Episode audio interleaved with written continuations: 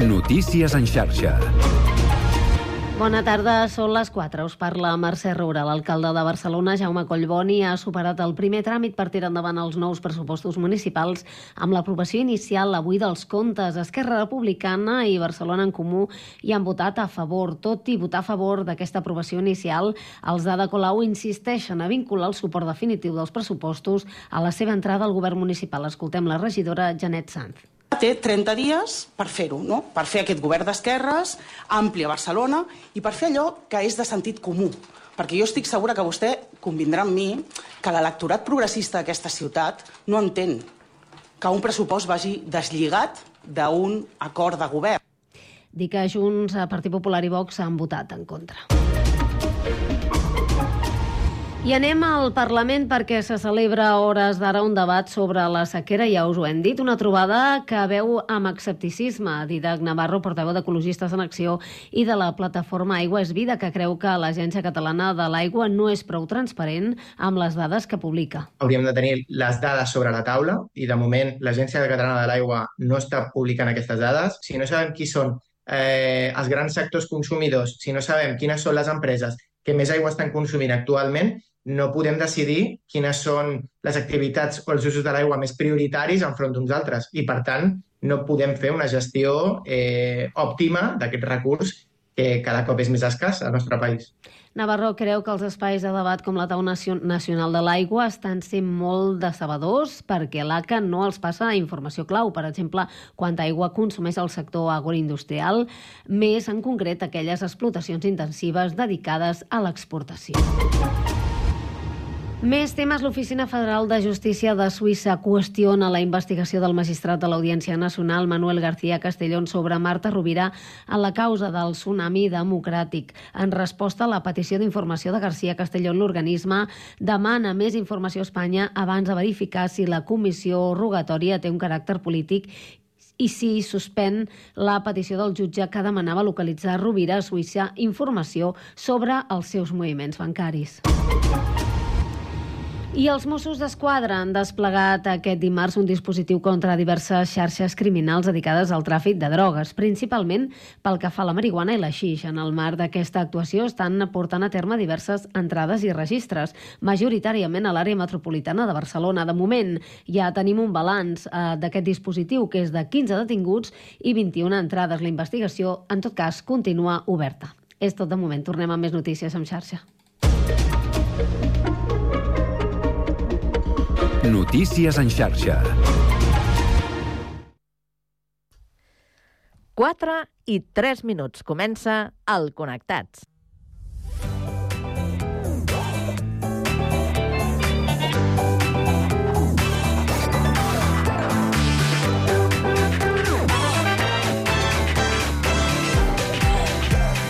Connectats amb Carme Reverta.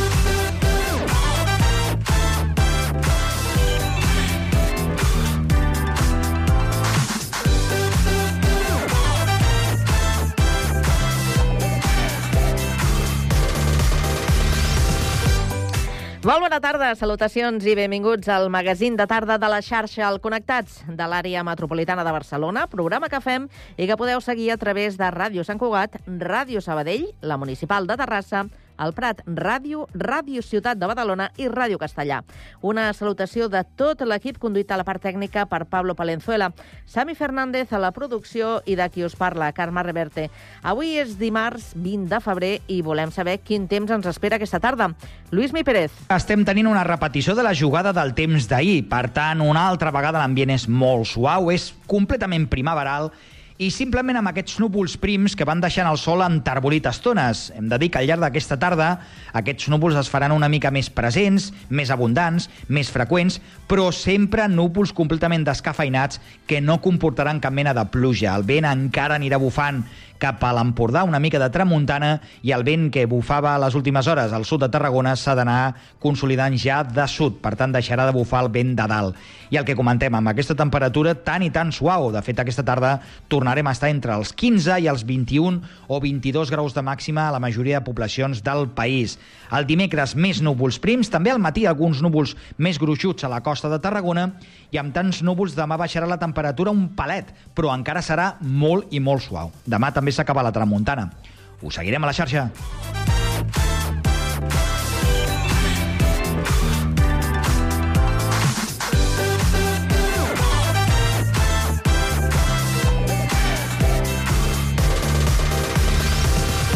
Bé, doncs, Avui al Connectat sabrem com s'adapta un municipi per ser accessible per a tothom. Ens fixarem en l'exemple de Castellà del Vallès, que acaba d'aprovar un pla de diversitat funcional fins al 2027. Parlarem amb Anna Margalef, regidora de Diversitat Funcional. Acabarem la primera hora amb la tertúlia generalista per analitzar la possibilitat que algunes piscines s'utilitzin aquest estiu per considerar-se refugi climàtic i també dels avantatges fiscals amb la nova llei de mecenatge. A partir de les 5 coneixerem la jutgessa pretén castrenca Rocío Ortega. Continuarem amb llengua per saber com és el projecte Vincles d'Òmnium Cultural a Terrassa. En parlarem amb Manel Martí, que és el coordinador. I acabarem amb cultura per interessar-nos per l'estrena de l'obra Camil, de la companyia La Frenètica de Castellà del Vallès. Tot això i més des d'ara i fins a les 6 de la tarda a la vostra emissora local. Connectats? Comencem!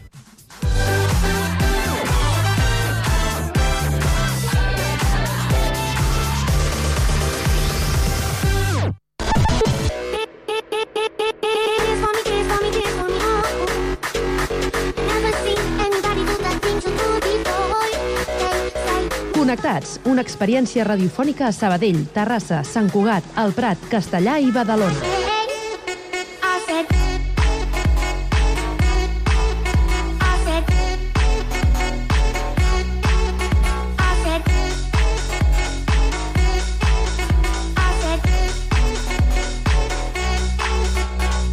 Connectats amb Carme Reverte.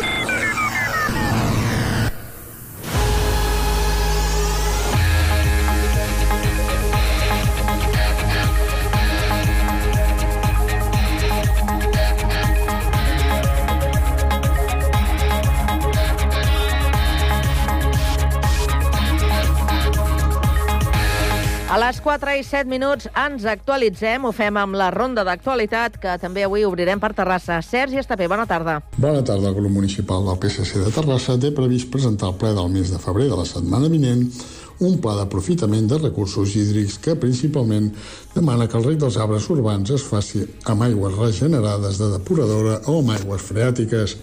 Aquesta formació sosté que des de la Generalitat no s'han pres decisions en aquest sentit i això ha provocat que els plans d'emergència aprovats per alguns municipis no siguin suficients.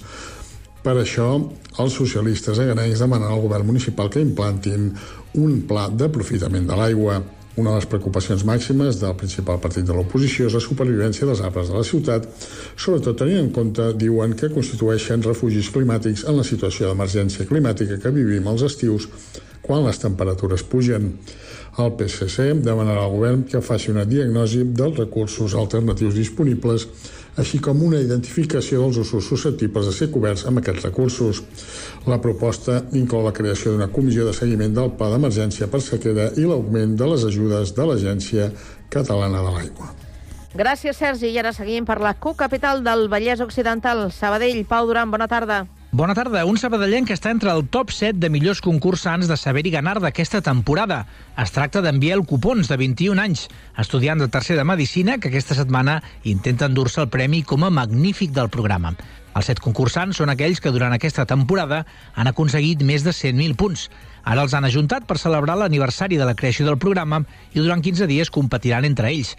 En una entrevista al Cafè de la Ràdio, Cupons ha explicat la seva tècnica per estudiar per un programa com aquest. Jo m'ho he pres com si fos un examen de la carrera. M'ho he ficat a llegir molt, sí que és veritat que em sol que agafar un tros de paper i em vaig apuntant doncs això, no? datos sueltos, o sí que em faig algun esquema pel que sigui. Si és, per exemple, el de Lord Byron, m'anava bé també fer-me una línia cronològica. Però, bueno, és, cada tema te l'intentes muntar de la manera que pots i després ja està. Lo important és això, gaudir el tema. Durant 15 dies podrem veure el Sabadellenc competir amb els altres concursants per veure si finalment es pot endur aquest títol de magnífic. Gràcies, Pau. I ara, des del litoral i en concret des de Badalona, ens informa Santiago Espasa. Bona tarda. Bona tarda, Carme. Doncs l'Ajuntament de Badalona lamenta que la Generalitat no vulgui invertir en finançar les inspeccions dels pisos del carrer Canigó i en reclama col·laboració. García Albiol ho ha dit després d'una trobada amb els veïns dels habitatges propers al bloc esfondrat. Assegurar que la inspecció dels 420 pisos s'ha de fer de manera immediata i que ajudaran aquelles famílies que no puguin fer front a aquesta despesa. Les inspeccions dels habitatges que farà el Col·legi d'Arquitectes costaran aproximadament 80 euros per domicili i les hauran de pagar els veïns. A partir del que indiquin els informes tècnics tècnics elaborats en aquesta primera inspecció, caldrà iniciar un procés de rehabilitació en els edificis on es detectin problemes. Tot i que encara no s'ha concretat, el govern local treballa per aconseguir plans de finançament sense interessos per donar suport econòmic als veïns. L'alcalde de Badalona, Xavier García Albiol, demana responsabilitat a la Generalitat, ja que assegura que és qui en té la competència. L'escoltem. La Generalitat de Catalunya de moment sembla que no vol posar un euro. Jo vull recordar a la Generalitat de Catalunya que estan molt bé les bones paraules i que no en dubto, però que la responsabilitat d'inspecció és una competència exclusiva de la Generalitat de Catalunya. El que no farem des de Badalona és començar a discutir que per què no posen diners i per què sí. Eh, es tenen que dur a terme les inspeccions, ho tenen que pagar els veïns i els veïns que econòmicament, doncs perquè no els arribi la pensió no poden fer-ho, ens hi posarem l'Ajuntament. L'alcalde assegura que s'han detectat possibles deficiències en el forjat de les construccions dels blocs propers al que es va esfondrar. Gràcies, Santiago. Seguim encara al litoral, una mica més al sud, des del Prat de Llobregat. Ens informa Rocío Santa Eufèmia. Bona tarda. Bona tarda. La contaminació atmosfèrica és la segona causa de càncer de pulmó a Espanya i Europa, amb un 15% dels casos. I és que és un fet científic que l'increment de la pol·lució atmosfèrica té una relació causal amb l'increment de malalties greus, especialment respiratòries i cardiovasculars, com ictus o infarts. Precisament per tractar la relació directa entre la contaminació de l'aire i la qualitat de vida de les persones, el Cèntric Espai Cultural del Prat de Llobregat ha acollit aquest dilluns una xerrada amb expertes en l'àmbit de la salut Salut. La coordinadora de la iniciativa de planificació urbà, medi ambient i salut d'IESA Global, Caroline Daer, explica que és un problema que ens afecta en totes les etapes de la vida i a tots els sistemes. La contaminación del aire, de hecho, es el mayor problema ambiental que tenemos en Europa en cuanto a salud. Afecta a todas las etapas de vida y afecta a todos nuestros sistemas. Afecta a los pulmones, pero también el sistema cardiovascular es donde más afecta. También el rendimiento cognitivo a enfermedades como la demencia. Tiene afectaciones hasta oculares en el sistema reproductivo. A la ponència, que també ha comptat amb la investigadora predoctoral d'IESA Global, Anna Ramos, s'han explorat les possibles solucions per millorar la qualitat de l'aire i, de retruc, la salut de la ciutadania, un objectiu pel qual, segons s'han assegurat les expertes, cal l'esforç de totes les parts, ajuntaments, ciutadania i sector privat. Gràcies, Rocío. I abans d'acabar, un repàs a l'actualitat de Sant Cugat de la mà de Marc Castro. Bona tarda.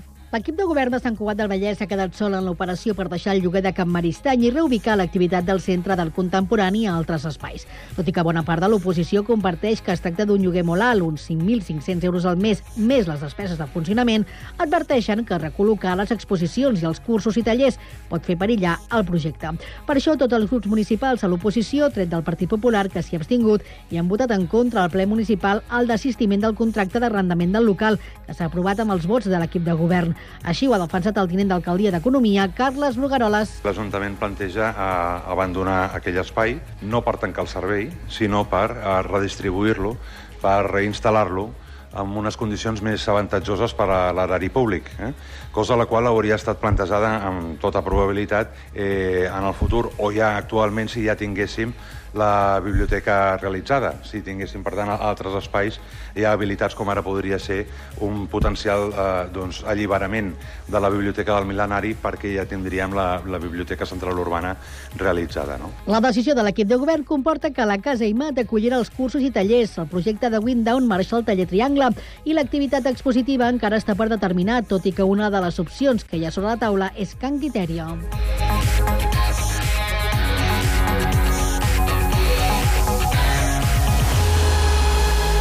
A la tarda, no et desconnectis. A la teva ràdio local, connectats. Can't touch this. Can't touch this.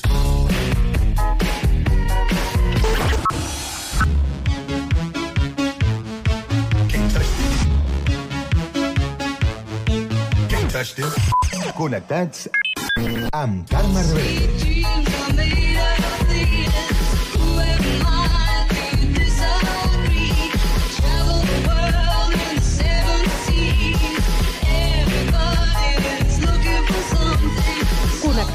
Una experiència radiofònica a Sabadell, Terrassa, Sant Cugat, El Prat, Castellà i Badalona.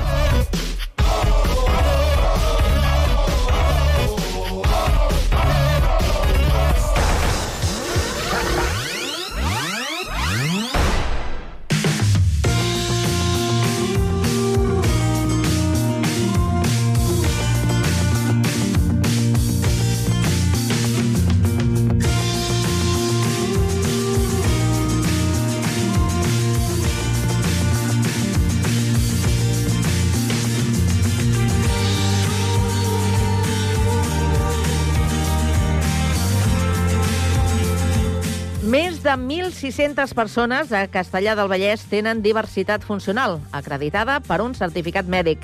L'Ajuntament ha elaborat un pla per millorar la vida a aquest 6% de la població.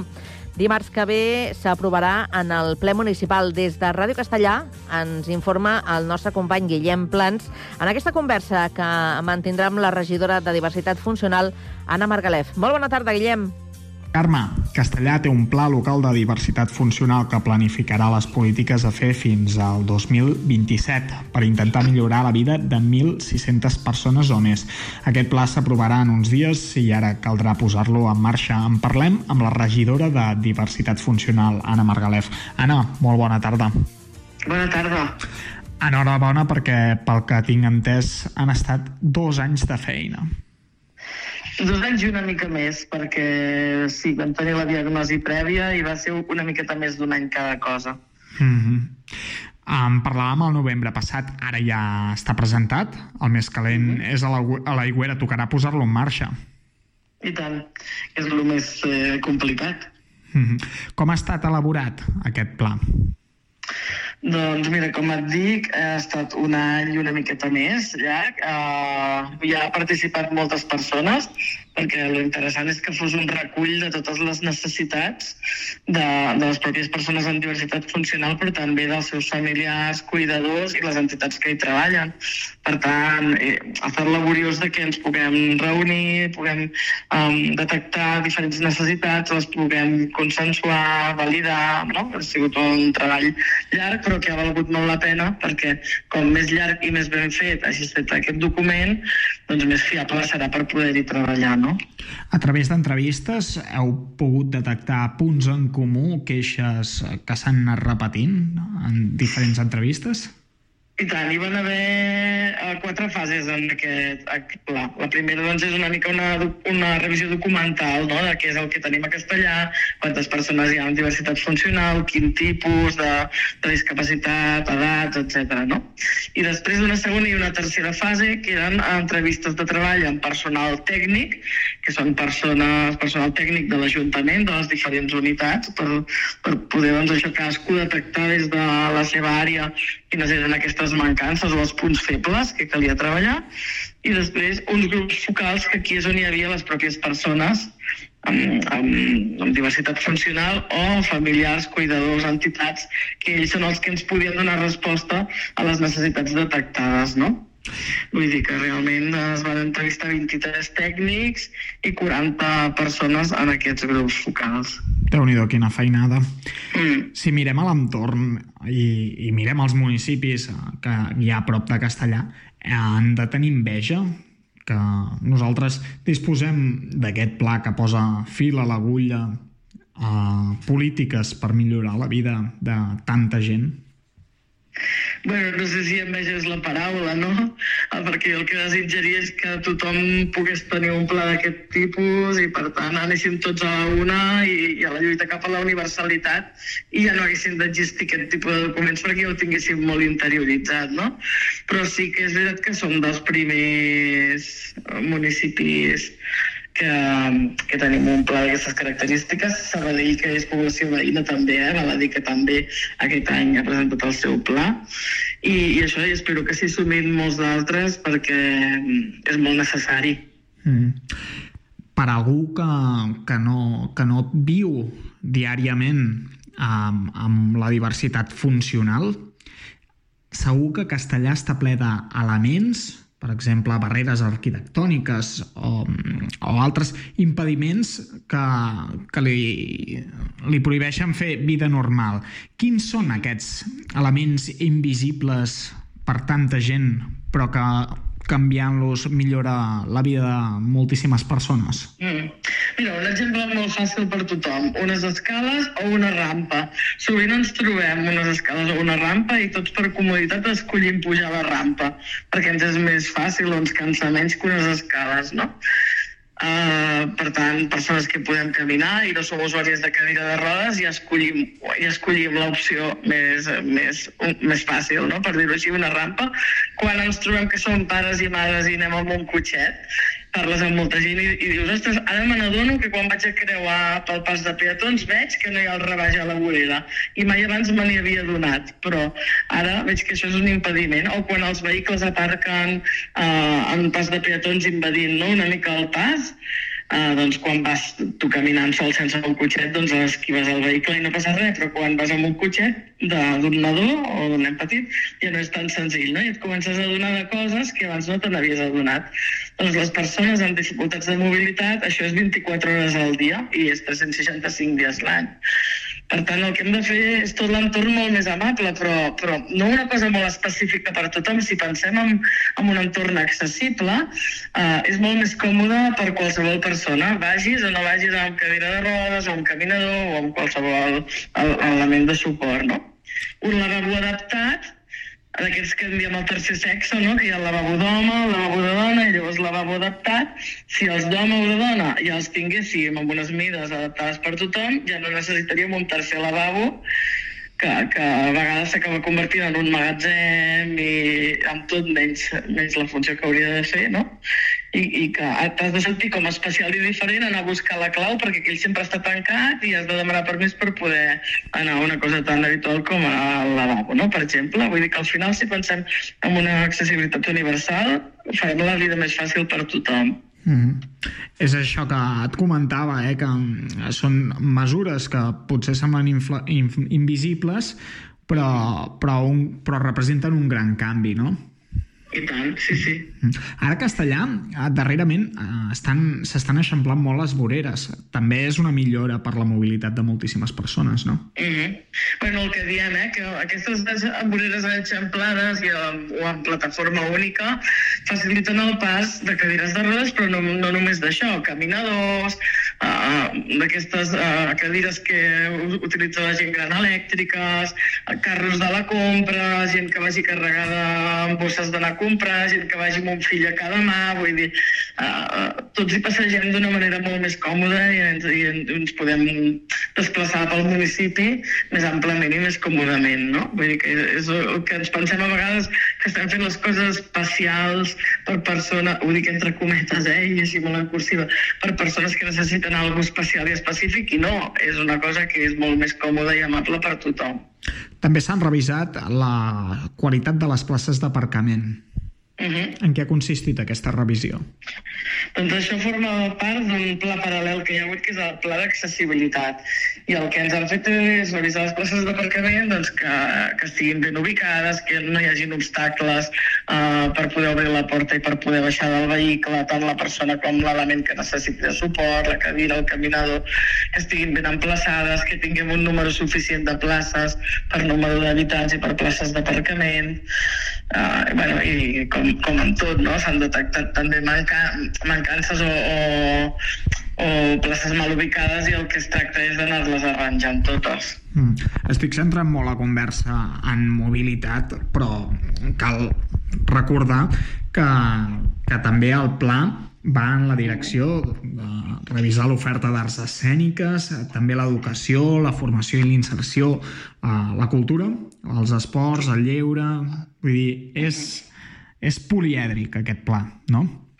I tant, és que seria un error molt gran pensar que la diversitat funcional la discapacitat només estem parlant de, de persones amb dificultats motrius, que és veritat que és el gruix més gran eh, de, les, de les discapacitats, si més no reconegudes, perquè també hem de dir que aquestes 1.600 persones que hi ha a Castellà amb, amb un certificat de discapacitat són aquelles que han fet el procés de reconèixer uh, la seva discapacitat, però n'hi ha moltes altres que no han passat per aquest procés mèdic, no? Per tant, possiblement són molt, bastantes més les persones que puguem tenir una discapacitat, i no només és física, com tu dius, no? Podem tenir molts altres tipus de discapacitats sensorials, uh, intel·lectual, i aquí, clar, entra doncs, molts altres àmbits, com és això, l'educació, que, que puguem arribar a tothom, la formació, la inserció, que puguem fomentar més llocs de treball per persones amb discapacitat intel·lectual, per exemple, um, que la cultura sigui accessible per tothom, els esports i el lleure el mateix, que totes les entitats i la ciutadania pugui participar en totes les activitats que ofereix Castellà, no? en, en tots els àmbits de la nostra vida diària, que puguem desplaçar-nos d'una manera autònoma per castellà, que les nostres famílies cuidadores o els familiars no, de persones amb diversitat funcional també estiguin cuidats ells mateixos perquè no tenen un diagnòstic de discapacitat però sí són cuidadors d'algú 24 hores, 365 dies a l'any i qui els cuida aquestes persones no, també. Vull dir, no només hem de pensar en un tipus de col·lectiu sinó que això és molt ampli. Mm -hmm. Quan parlem de, de cultura, a Castellà ja es veuen uns quants espectacles que són universals, no? Uh -huh, uh -huh. Bueno, però hi ha moltes coses a fer. A Castellà, a l'auditori, disposem dels bucles magnètics o auditius, que encara hi ha molta gent que no ho sap, que és una eina que ens permetrà a aquelles persones que porten uh, implant coclear o audiòfon o que tenen baixa audició poder sentir molt millor l'obra de teatre. I el tenim i el tenim de fa anys i s'utilitza, però no tant com voldríem, perquè encara hi ha molta gent que no ho sap que els tenim. I aquesta gent potser no anava al teatre perquè no, hi sent, no sentia bé el que s'hi deia. Per tant, és, és revertir una mica aquest engranatge, no? I, I no que la gent no vagi al teatre perquè no hi senti bé, sinó doncs, que ja hi pugui anar i hi pugui haver més demanda d'aquests bucles, no? Però llavors també hi ha altres eh, sistemes d'accessibilitat cognitiva, com seria doncs, temes de subtitulació, no? per aquelles persones que no hi senten, eh, però tampoc parlen llenguatge de signes, que si us heu fixat ja anem portant intèrprets de llengua de signes en diferents actes, no? Exacte, però no sí. tothom, no tothom parla en llengua de signes. Per tant, poder arribar al màxim de persones possible adaptant tot el que puguem. I això doncs tenim aquests anys per davant per poder anar treballant perquè hi ha molta feina a fer. Entenc que per fer aquesta feina necessitareu o aliats i les entitats ho són. Uh -huh. Les entitats han estat un gran aliat primer en aquest pla, de, en l'elaboració del pla, no? Sense elles no hagués estat possible perquè eh, cada una està molt especialitzada amb els seus usuaris i per tant coneixen molt bé aquesta realitat i a l'hora de treballar el mateix, són com que hem d'anar tots de la mà, no? Tenim una, una comissió d'entitats que treballen en l'àmbit de la diversitat funcional i hem d'anar tots de la mà amb tots perquè el que s'especialitza en una cosa potser no s'especialitza en l'altra i si anem en xarxa podrem abarcar molta més població i oferir millors serveis. Però també necessitem molts aliats de totes les unitats municipals, no? No només la, la regidoria de diversitat funcional. Aquest pla, si us fixeu, no recau en la, regidoria, en la regidoria de diversitat funcional només que és una regidoria que pot arribar on pot arribar, no? sinó que necessitem anar de la mà amb tots els altres, amb cultura, amb via pública, amb, amb esports, amb ocupació, amb tots per poder complir aquests objectius. Anna, tinc entès que l'acte de presentació va ser força original, que més enllà d'explicar el document es va convertir en un agraïment sobretot a totes les persones que han participat en l'elaboració d'aquest full de ruta. Exacte, és el que t'explicava, eh? Sí que és veritat que aquest pla el presentarem al ple dimarts que ve uh, i clar, la presentació d'aquest pla encara no estava aprovat al ple, però l'objectiu, uh, el que m'imprimava més era poder agrair a totes les persones que havien col·laborat en aquest pla pel que et deia a l'inici. Si ens posem a fer un pla sense que ningú ens ajudi, d'aquí no surt res o no surt res vàlid, eh, irreal, no?, amb les necessitats que tenim a Castellà i amb els nostres habitants. Per tant, necessitàvem tota la col·laboració d'aquesta gent. I van estar treballant molt de valent i, per tant, per nosaltres ens era mm, d'obligat compliment fer-los un retorn i, a més, ens ho demanaven, no?, d'aquestes eh, reunions que en sortirà, doncs fer-los fer un retorn del que ha sortit i poder-los agrair una mica la seva col·laboració. Per tant, també no només va ser la presentació del pla, sinó va poder ser una xerrada, vam convidar el Jordi Dueso, que ens va venir a fer una xerrada eh, com et diria ara, encoratjadora no? i de donar ànims també a aquestes persones cuidadores o persones amb discapacitat o amb diversitat funcional eh, per fer una mica més amè i interessant, no?, també. Anna Margalef, regidora de Diversitat Funcional de l'Ajuntament de Castellà del Vallès, moltíssimes gràcies i molt bona tarda. Gràcies a vosaltres. Una abraçada. I molt bona tarda a tu també, Carme. Gràcies, Guillem. Bona tarda. Bona tarda.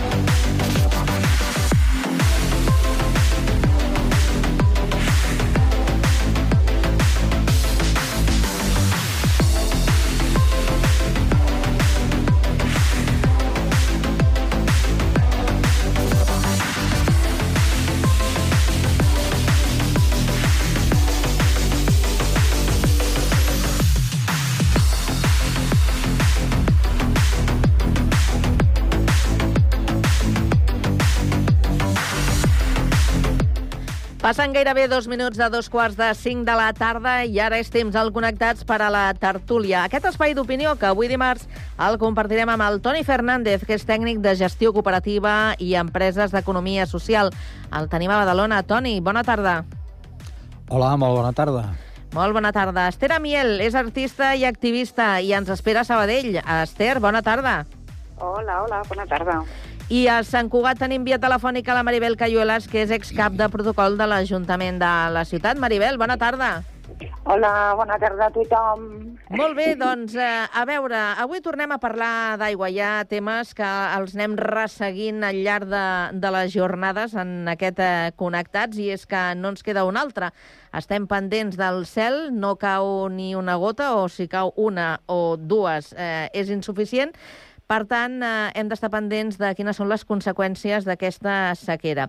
I ahir mm, vam tenir notícies respecte del que ens espera o ens pot esperar aquest estiu.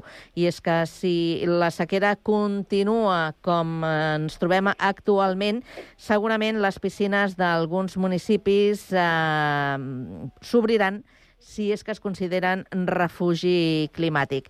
Aquest és un anunci que es va fer precisament ahir, ho va fer el conseller d'Acció Climàtica, David Mascort, en una entrevista que li van fer als matins de TV3, i mm, no sé com valoreu vosaltres aquest, eh, aquest anunci. Mm, penseu que mm, és un, una bona iniciativa, que era d'esperar, de, o quina és la valoració que, que feu, Toni?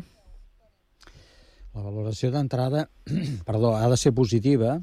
Uh, de totes formes, uh, el tema aquest de donar determinades prioritats a determinades ciutats en base a les necessitats de refugi climàtic que tinguin, eh, em, sembla, em sembla molt correcte.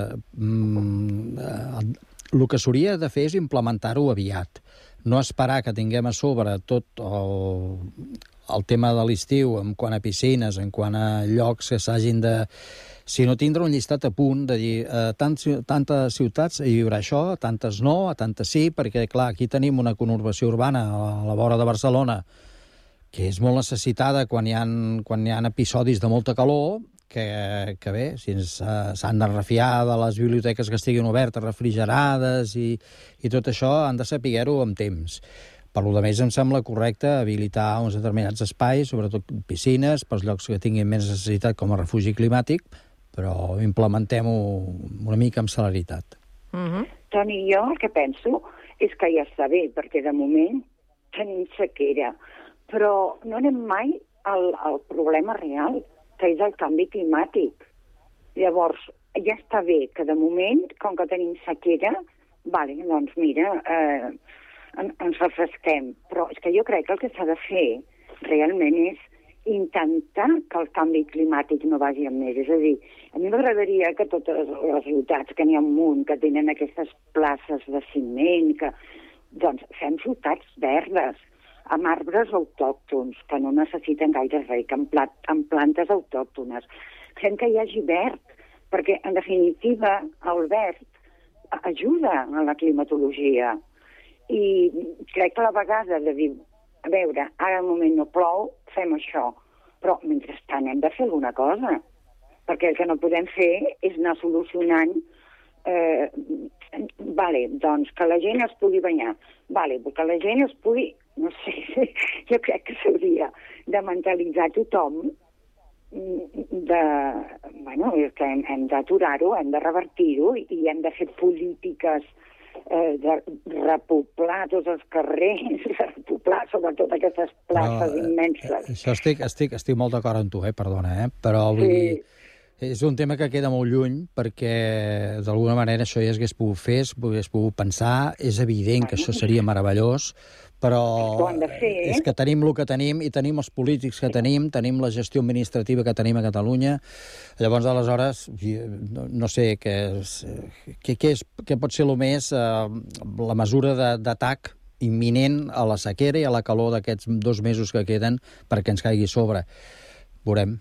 El que ha vingut a dir la Maribel és que de moment tot això són pagats, que no tenim, una, no tenim, no tenim remeis, però hem d'anar posant tiretes a totes sí. aquestes uh, ferides. Esther, com ho veus? Sí, estic d'acord amb el que diu la Maribel, però anem tard per això, i no és una qüestió de que a Catalunya tenim els polítics, no, no és una qüestió de Catalunya, no és una qüestió d'aquest territori que d'alguna manera a nivell terraqui és, és minso, és molt petit, eh, el canvi climàtic no és una qüestió de Catalunya. Ojalà només depengués del que, de les polítiques que es facin aquí, no? I anem tard. I com que anem tard, ens trobem on ens trobem. El que passa que jo, a mi se m'escapa molta informació, perquè jo tenia entès que les piscines, sobretot les piscines municipals, eh, i les piscines en general, mm, els últims anys ja es fa, no, sigui, no s'han de buidar i omplir cada any. O sigui, són piscines que si es manté l'aigua d'una manera eh, no sé, no hi entenc gens en piscines, però suposo que hi ha processos de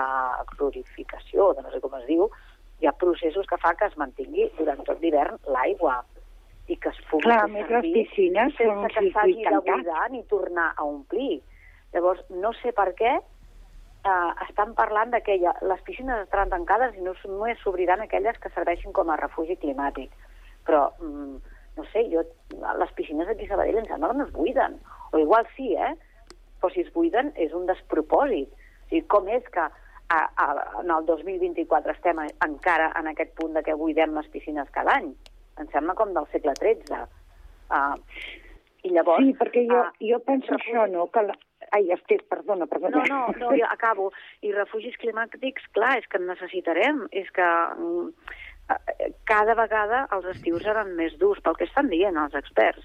O sigui, cada vegada necessitarem més refugis climàtics i cada vegada necessitarem estar doncs, en biblioteques que tinguin aires acondicionats, eh, dic com a refugi climàtic, eh, o espais que estiguin tancats amb aires acondicionats, que el que fan, aquests aires acondicionats, és escalfar l'exterior, amb la qual contribueixes sí. també a que hi hagi més calentament global, més calentament a la Terra. Vull dir que eh, i, i que aquests refugis climàtics que siguin considerats les piscines en alguns casos, que realment en facin ús les persones que estiguin en aquell territori. no perquè hi hagi una piscina oberta en no sé quants quilòmetres a la rodona, tothom, encara que tingui refugis climàtics al seu poble o al seu barri, pugui anar a les piscines aquestes. Com... Ara, ara que expliques Vull dir, això... Em sembla molt difícil de gestionar. Esther, eh, ara, ara mira, m'has fet eh, recordar que l'any passat eh, justament va passar això aquí a les piscines municipals de, de Sant Cugat i que hi havia eh, veïns que es queixaven no, no veïns de proximitat, sinó veïns de, de la ciutat que es queixaven perquè no podien accedir, hi havia doncs, un aforament limitat, com, com, com entenem perfectament, hi havia un aforament limitat, però resulta que venia gent de municipis veïns Eh, clar, a clar. fer ús d'aquesta instal·lació. I això va crear una, És que una certa clar. polèmica. És que aquí A és que més- tenim la, la bassa de Sant Oleguer, eh, Clar. tot al voltant de l'àrea metropolitana de Sabadell, per dir-ho d'alguna manera, perquè ens entenguem, ve a la bassa de Sant Oleguer. Llavors que hem de, hem de treure el carnet de veure d'on ets. És que, és que és molt difícil la gestió. I això crea, i ho allargo eh, una mica, això crea conflictes a peu de carrer, a peu de piscina en aquest cas, que a qui ho haurà d'entomar és el treballador, el subaltern, el conserge, que estigui a la piscina i que li hagi de dir, Monsenyor, tu no pots entrar. Mm. I es muntaran pollos. És que, clar, no soc... Jo penso que, en tot cas, les piscines, no ho sé ara, però haurien de ser gratuïtes, perquè les municipals tenen Ho, ho er, sí, sí, de fet ho eren, precisament, també Ah. aquest era el problema. Sabadell no, eh? I estem, Clar. estem parlant de l'estiu passat, eh?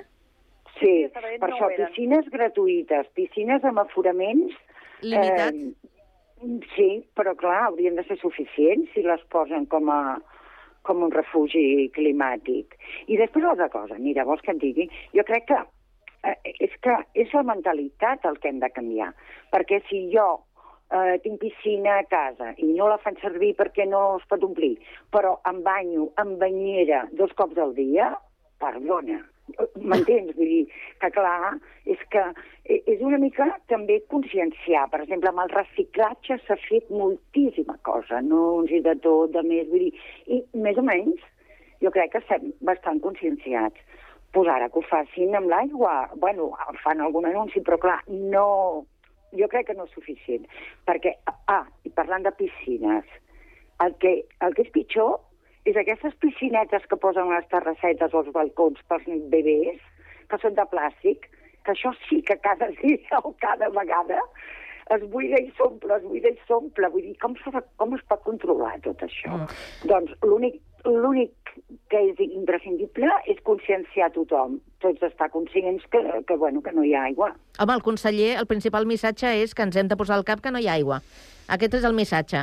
Tornant a recuperar una mica la intervenció de, del Toni, que parlava de- de- d'aquest cens, feia referència eh, aquest cens que està fent ara mateix la, la Generalitat, que deies que anem una mica tard perquè això ja s'hauria de començar a tenir eh, enllestit. No penseu que això també crearà eh, un, un cert eh, debat eh, entre poblacions veïnes i aquests perquè sí i nosaltres eh, perquè no. no. Això no crearà un cert eh, mirar de reull al costat? Sí, eh, crec que sí. De totes formes, és clar, evidentment, estic parlant des de Badalona que tenim quilòmetres de platja i de platja bastant Clar, neta aquest i, és l'avantatge que condicions. Mm. És clar, tenim un gat al costat, Masnou, vull dir, mm, eh, en aquest cas eh, juguem una mica fora, perquè ara jo m'imagino, pues, com vosaltres, aquí les companyes, pues, Sant Cugat, Sabadell, que estan més cap a l'interior... Terrassa, que també Manresa, té tota una- Ciutat, sí. Terrassa, evidentment, llavors tindran més problemes d'aquest tipus, perquè, mira, aquí a Badalona en són molts, però tenim molts quilòmetres de platja. Llavors, aleshores, es poden utilitzar i com a refugis climàtics, una mica amb l'oratge, amb el garbí, a la tarda pots estar-hi tranquil·lament. Clar, és un altre, un altre sistema. Ara, que sí que s'hauria de- de- d'evitar, de, perquè poden haver-hi pugnes entre una ciutat, l'altra, la del costat, és que tu, mira, tens dues piscines, jo no en tinc cap. Uh, és, és complicat, Sí. realment. I si omplíssim les piscines municipals d'aigua de mar? Però em Sí, sembla que és... pot ser una opció. Sí, és una opció, però també s'hauria de fer un tractament, perquè precisament la sal Bueno. és el que espatllaria el, el funcionament, aquest reciclatge que es fa de... Bueno, mm, jo almenys és el que tinc entès, eh? Sí, sí, però sembla mentira que... eh, O sigui, tots sabem que això havia d'arribar un moment en què passaria. Ho estan dient des de fa dècades. Llavors, és com que ara ens ve de nou, no a nosaltres, eh? vull dir, a la gent que gestiona, per dir-ho d'alguna manera, ens ve, els hi ve de nou i, ai, ara no, no tenim preparat com hauríem d'adaptar les piscines. Escolteu, fa molts anys eh, que es parla d'aquest tema i, de fet, hi ha moltes piscines eh, particulars, em sembla, que són ja que són d'aigua salada. Vull dir que hi ha un sector que sí que s'ha anat com adaptant, no? Les empreses que es dediquen a muntar piscines i tal. Clar, però ja estan pensades adaptant. perquè sigui d'aigua salada. Ah, clar, però Clar. hem tingut temps, eh, els municipis per adaptar les públiques, les municipals, no, no ho sé. Mm. Eh, anem tard, anem tard. Jo també penso que, de totes maneres, és bastant difícil de controlar, perquè què aniran casa per casa a veure que no tinguin la piscina plena, o que no utilitzin la banyera, o... Dir, per tant, és que, bueno, ja ho he dit abans, soc una pesadeta, però insisteixo, és que és la conscienciació de cadascú també de la situació que estem d'emergència. I recordo, no sé qui era, que deia en el futur les guerres no seran pel petroli, seran per l'aigua. Doncs vinga, no, no, que no arribi. Que Per, no arribi per l'aigua i per l'oli, eh, també? L'oli... bueno, escolta, si no, doncs eh, ho farem tot bullit, amb aigua. Mare, sí, sí, tenim no aigua. Això serà si tenim, si tenim aigua. Exacte, exacte, ho deia precisament per... Però vaja, a, aquest panorama que també ens plantejaves, eh, Maribel, de, de, de tenir més verd i tal, eh, Sí. és que ara fa molta paneta veure els boscos, eh, les zones... Eh, en teoria enjardinades, que ara són en comptes de color verd, eh, són marronoses, marrons, sí. que és, eh, és una pena. És una pena. Però vaja, eh, no sé, ja, com diu el conseller, ens ho haurem de posar al cap. I de banyeres, eh, res. Això de les Res, banyeres ja sí. ha passat a, a, millor, a millor vida. Una dutxeta ràpida i ale. I, i, i, i s'ha acabat. Eh... O no, o no, per- perdona, perquè quan Digues. omples una banyera és una manera de recollir l'aigua, vale? et banyes, Mm. i llavors aquella aigua la pots fer servir, per exemple, per tirar uh, aigua al vàter. Sí, sí, sí. Uh, de l'altra manera, quan et dutxes, l'aigua, a no ser que tinguis un, una forma de banyera i que la puguis agafar, les, les dutxes es, es cola l'aigua i només et serveix perquè et passi pel cos. Clar, si tens una banyera, poses el tap i aprofites l'aigua, també. Clar, però si no la tens, Mm. si només tens Sí, sí. dutxa, se'n va, s'escola l'aigua. Sí, però esclar, eh, si sou molts a casa i tens una banyera, mm, si un altre també s'ha de banyar al cap d'una horeta o així, no l'has buidat, aquesta Això banyera. passa, Eh? Vols dir que això passa?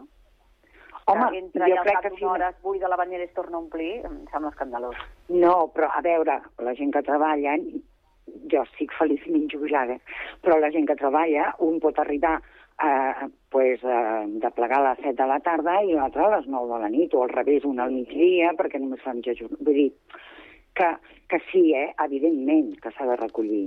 I si no, és igual, poses un... Jo tinc un, bueno, una ampolla i un gerro allà al costat de la cuina i al costat del lavabo per quan esperes que surti l'aigua calenta, recollir-ho. Jo tinc plantes, doncs rego. Però, a veure, idees segurament que tothom en té moltes més que jo, però, però també hi ha moltes coses que semblen tan fàcils i a l'hora de veritat dius, toma ja, ara no... no, no. no ho sé. Mira, el millor és no banyar-se. Ningú. Home. Clar, i posar el tap. Bueno, una mica, una mica, eh? Una mica. Una mica, una dutxa, una Amb, dutxa. pru amb prudència. Canviant de, de tema, anem a, a la llei de mecenatge. La reforma que s'ha fet en aquesta nova llei permetrà augmentar un 10% el, el finançament d'aquestes entitats eh, eh, privades i també permetrà doncs, que eh, els eh, donants eh, siguin eh, persones, eh, siguin particulars o, o siguin eh, empreses, doncs eh, també s'ho puguin eh, desgravar. Hi ha uns certs eh, avantatges eh, fiscals, que és el que posa de, de relleu aquesta reforma. Jo us pregunto, els catalans som solidaris més enllà de la marató? Perquè per la marató sembla que, ostres, eh, eh, són fantàstics. Però, en general, la, la, la idea que teniu vosaltres eh, eh, segons el, el vostre voltant, els catalans som solidaris quan no ens ho exigeixen? O sigui, per iniciativa pròpia? El Jo crec Toni, sí. Toni. Toni, vinga. Jo crec, jo crec que sí. He portat, porto molts anys treballant en economia social i puc dir que la gent, quan hi ha un, un tema que sigui a part, com bé dius, de la, de la marató, que sembla ser que tothom es volca, vols Sí. de Nadal, tot és una història, eh, en poques quantitats col·labora amb entitats. Jo al voltant meu, jo personalment col·laboro amb el Vall d'Hebron, en matèria de recerca i faig una donació mensual o trimestral a l'Institut de Recerca de la Vall d'Hebron eh, i, i bé, jo conec gent del meu entorn que també col·labora en determinats gens d'aquests tipus. Aviam, no és que sigui una cosa de dir... Ara també depèn de quin tipus de gent. O sigui, també has de tindre molt clar amb qui ho fas, com ho fas, eh, i sentir-te solidari, i sentir-te pues, un part de que hi ha molta gent que necessita el teu ajut i que, i que val la pena. I si després tu pots desgravar, com és aquest el cas, perquè he Mm. vist que també la remodelació d'aquesta llei implica un 5% més de desgravació de l'IRPF, eh, doncs aleshores doncs, millor també per tu. Vull dir que eh, tot és un conglomerat que penso que pot ser efectiu. Ara, clar, i, i també hi ha moltíssima gent que, que passa d'aquest tema, està clar. Uh -huh. Penseu que són eh, 2.000 eh, entitats, entre entitats i fundacions, a tot Catalunya, eh, que, que, que funcionen gràcies als eh, donatius que, que els hi fem arribar. Eh, som solidaris, Esther, més enllà de la marató? Uh, jo penso que sí, afortunadament, més enllà de la marató, perquè um, la marató no deixa de ser com una mena com de, de galeria puntual, però penso que sí, perquè Catalunya culturalment en, ens regala una història com de- de- d'entitats de, i de xarxa social que, per exemple, no tenen, no sé què et diria, a Madrid, no? Una altra comunitat. A Madrid no, no existeix, o a Castilla i Lleó, a, no, no existeix aquesta xarxa socials de barris, de casals, d'ateneus, d'entitats solidàries, no hi és. I aquí sí, i això ens porta que mm, culturalment estem educats d'una altra manera i ens porta a, a pensar no? en l'altre nivell solidari. Mm, penso que sí. Hi ha moltíssima gent que no és solidària econòmicament, no només passa per una qüestió econòmica, Mm. la solidaritat, sinó de invertir hores del seu, del seu temps de lleure pues, a, a, jo què sé, a ajudar pues, a, que sé, per exemple, a la, la PA, la gent que, que no tenen vivenda, que estan desnonats, que, o, o que els desnonaran, o que, que tenen problemes d'habitatge. Pues, gràcies a una xarxa solidària de temps, no de diners, eh, la gent se'n pot anar sortint. Uh -huh. Penso que sí, que en general es- tenim una, una educació bastant solidària. Val, després, després entrarem en el amb qui som solidaris, és a dir, quin tipus de solidaritat eh, practiquem. Maribel? Bueno, jo és que sí que som solidaris, però eh, em sembla que en comparació a Estats Units, que sí, allà sí que tenen una cultura de recollir diners en grans sopars, de fer no sé què, fins i tot pels partits. I, és més que solidaritat, diríem que, no sé, això que en diuen filantropia, no ho sé, no? D'estimar l'altre, de voler que, que puguin, bueno, d'aquestes desigualtats socials que patim, doncs que no, no afectin tant a la gent.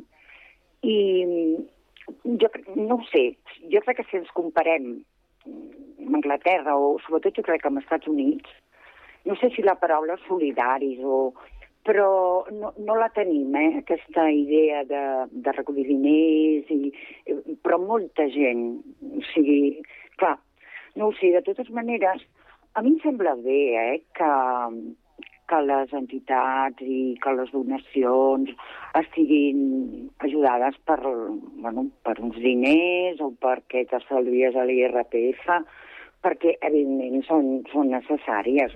A més, bueno, a veure, ara anava a dir eh, que la transparència és imprescindible, estan molt controlades, però jo, per exemple, la Fundació Botín, o aquesta, que no sé com es diu aquest del Sara, jo em sembla que no, no li donaria ni un duro. Jo sí que soc, soc de la Creu Roja, soc d'aquí d'Asli, de Sant Cugat, que és, ja, bueno, tu ja ho saps, no? una associació de, de pares que, que han creat un, un lleure per, pels seus fills, bàsicament, però bueno, també per qui vulgui, que tenen dificultats cognitives o síndrome de Down, en fi. I llavors jo, bueno, doncs soc sòcia. Clar, doncs cada mes, veure, eh, que és molt poquet diners. Però, però aquesta, aquesta idea de... de... Bueno, també et dic una cosa, eh? no he estat mai als Estats Units, ho dic per les pel·lícules i per les notícies, no? Que, no ho sé, no ho sé. És veritat que sí que tenim un, una tradició molt diferent d'altres llocs d'Espanya. Eh? Mm. Sigui que és una tradició... Mira, les diades no, no es podrien fer en un altre lloc.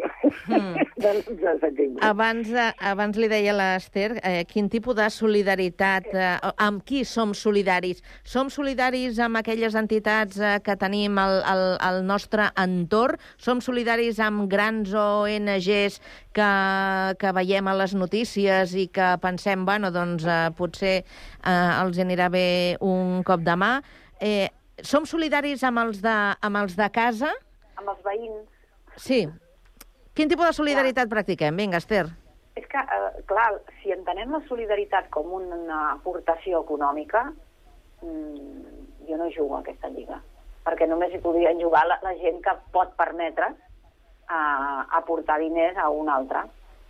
I hi ha molta gent que no podem, perquè tenim un, un sou molt, molt limitat, pel que sigui, no podem.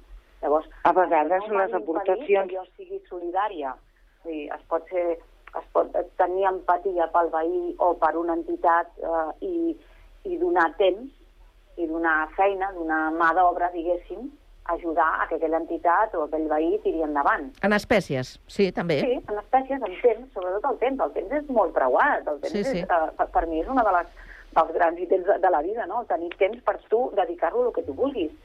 Ah, Esther, però jo, per exemple, eh, jo el que faig és donar 30 euros al mes, és a dir, un euro cada dia.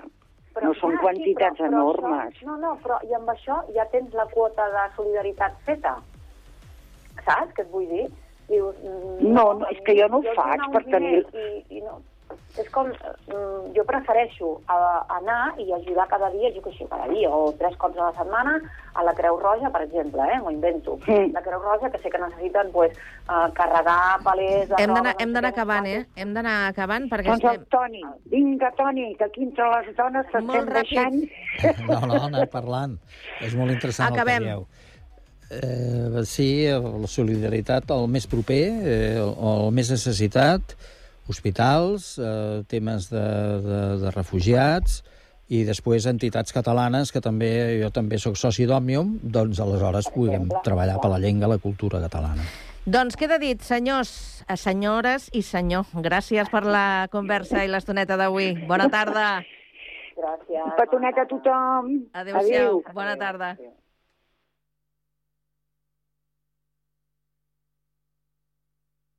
En català a Ràdio Sant Cugat.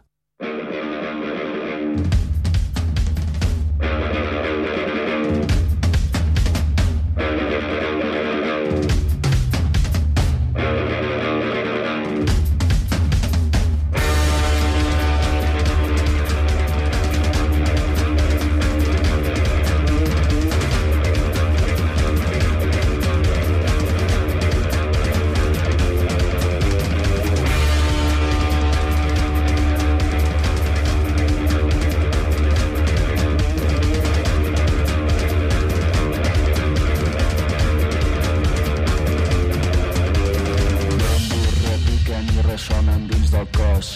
Si te'ls escoltes tot et semblarà confós. La línia que marca aquesta bé que malament. Amb el seu ritme acaba desapareixent. Repiquen i ressonen dins el cap. Molts el van perdre i encara no l'han trobat. Viuen perduts al laberint del descontrol. Els seus grans murs no et deixaran mai veure el sol.